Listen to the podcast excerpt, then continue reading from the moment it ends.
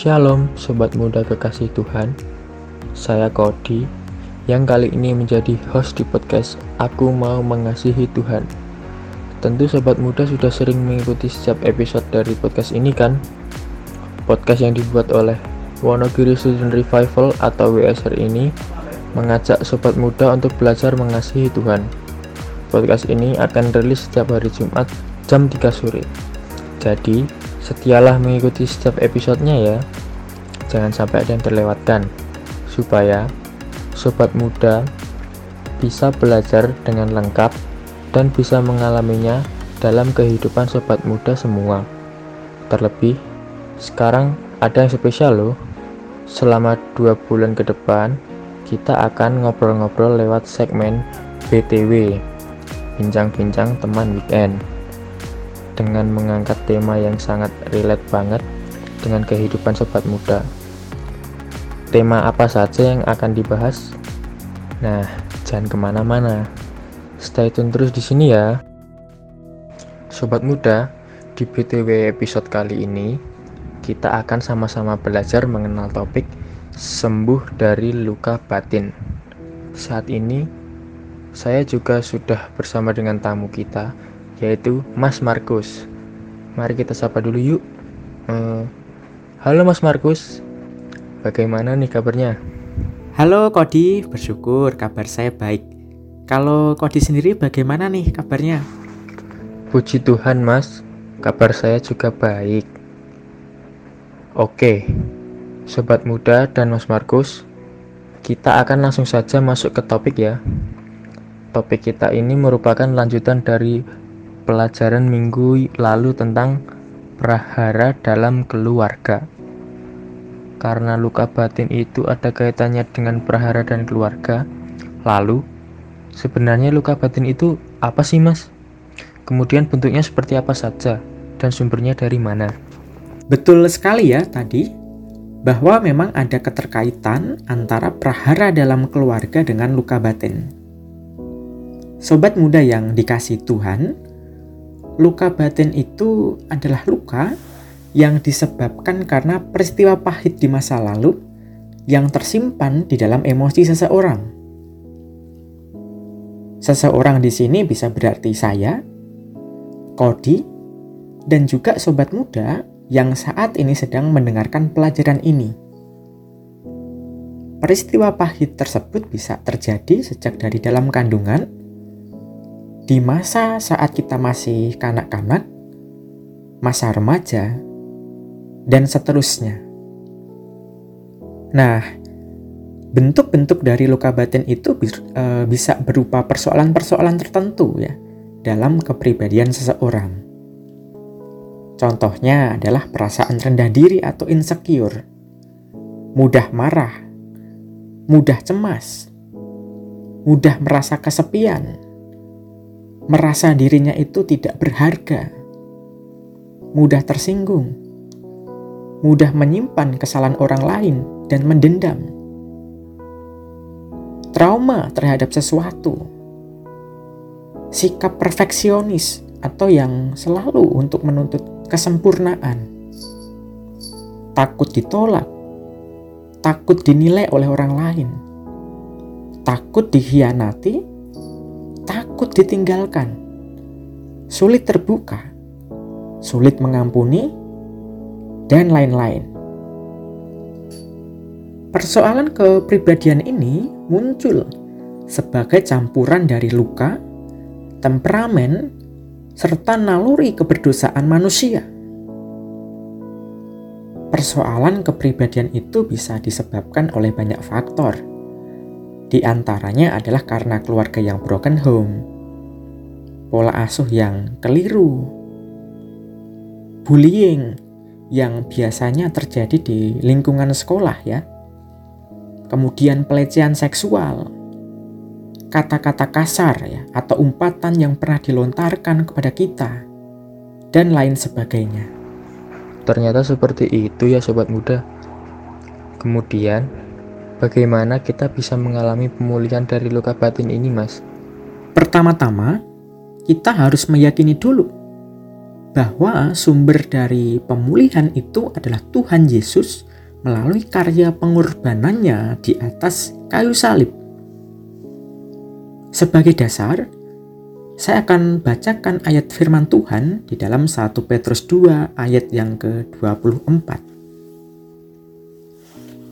Ia sendiri telah memikul dosa kita di dalam tubuhnya di kayu salib, supaya kita yang telah mati terhadap dosa, hidup untuk kebenaran. Oleh bilur-bilurnya kita telah sembuh. Terjadinya pemulihan dimulai dari penyelesaian masalah yang paling mendasar apa itu?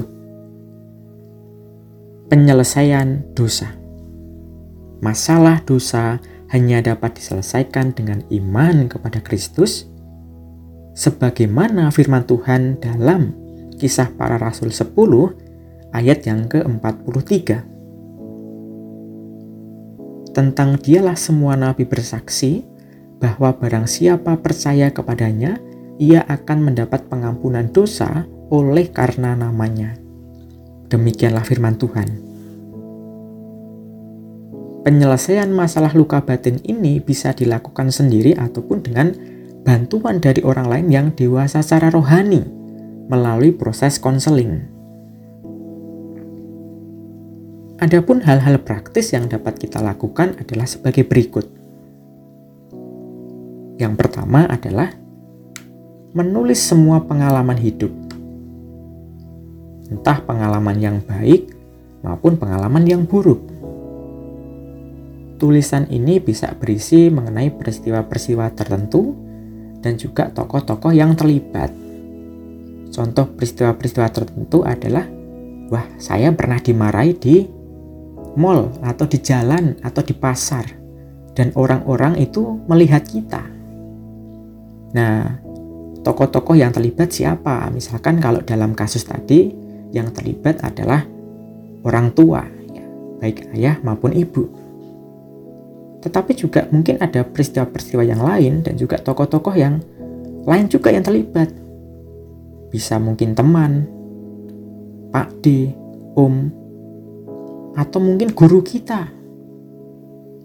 Atau orang yang itu tidak terlalu kenal dengan kita sebenarnya. Dan lain sebagainya. Dua, mengakui jikalau ada perasaan-perasaan tertentu yang timbul akibat semua pengalaman tersebut. Jadi diakui, perasaan apa saja yang timbul. Perasaan-perasaan kan bisa perasaan marah, malu, kecewa. Wah, saya merasa malu ketika dimarahi di depan orang-orang. Orang-orang melihat saya ketika saya dimarahi oleh orang tua saya saya merasa malu terhadap hal itu. Diakui. Ketiga, jika ada rasa luka yang ditimbulkan karena orang lain, perlu melepaskan pengampunan kepada orang yang bersangkutan. Contoh, Tuhan, saya melepaskan pengampunan kepada orang tua saya yang pernah memarahi saya di depan orang-orang sehingga saya menjadi malu. Saya mengampuni teman saya ini yang pada waktu itu pernah membuli saya. Yang keempat adalah berdoa supaya Tuhan menolong kita sehingga kita bisa menerima kenyataan pengalaman tersebut dan berdamai dengan kenyataan hidup itu. Bersyukur untuk sejarah hidup tersebut. Yang kelima adalah meminta kepada Tuhan untuk menunjukkan maksudnya lewat sejarah hidup kita. Dalam hal ini kita memerlukan seseorang yang dewasa secara rohani untuk menolong kita sehingga bisa mengerti bagian ini. Namun, ingat ya sobat muda, bahwa proses ini tidak dapat menyelesaikan keseluruhan persoalan dari luka batin. Konseling itu hanya sebuah alat pertolongan. Tetapi yang utama hanyalah lewat pertumbuhan rohani yang intensif melalui pengenalan akan Kristus Baik sekali kalau sobat muda bisa datang kepada pembimbing rohani. Sobat muda bisa curhat, cerita, dan konseling kepada pembimbing rohani itu. Sampai sini mungkin ada dari sobat muda yang rindu ingin konseling. Tapi di sisi lain bingung. Wah, saya tidak memiliki pembimbing rohani itu, Mas. Jangan khawatir, sobat muda Apabila ada di antara sobat muda yang perlu bimbingan seperti ini, bisa kontak pengurus atau pembimbing WSR. Sobat muda juga bisa menyampaikan lewat DM ke akun Instagram WSR di @wstudentrevival. Kami tunggu ya, sobat muda. Wah, menarik sekali ya, sobat muda. Hal paling mendasar dari pemulihan adalah penyelesaian masalah dosa yang hanya dapat dilakukan dengan menerima Tuhan Yesus secara pribadi. Lalu penyelesaian masalah luka batin dapat dilakukan sendiri atau melalui proses konseling dengan bantuan orang lain yang dewasa secara rohani. Terima kasih Mas Markus untuk pelajaran dan kebersamaannya dalam podcast kali ini. Tuhan memberkati Mas Markus. Sama-sama Kodi, senang sekali rasanya bisa berbagi ya Tuhan memberkati Kodi dan juga sobat muda semua. Dadah.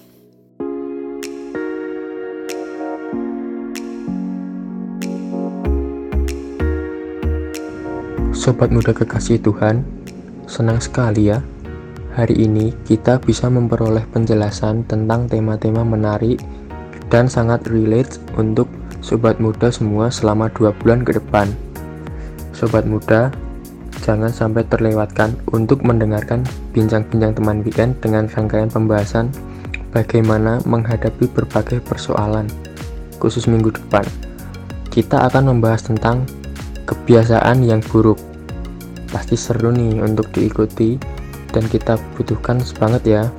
So, pasang alarm setiap Jumat jam 3 sore.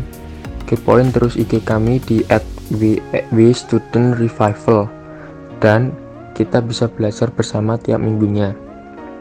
Kalau ada sobat muda yang ingin berdiskusi, bertanya, memberi masukan, boleh loh sobat muda sampaikan kepada kami, bisa lewat IG kami ataupun kontak WA dan pengurus BSR. Oke, sekian podcast kali ini. Jangan lewatkan kelanjutannya di episode minggu depan ya. Tuhan Yesus memberkati.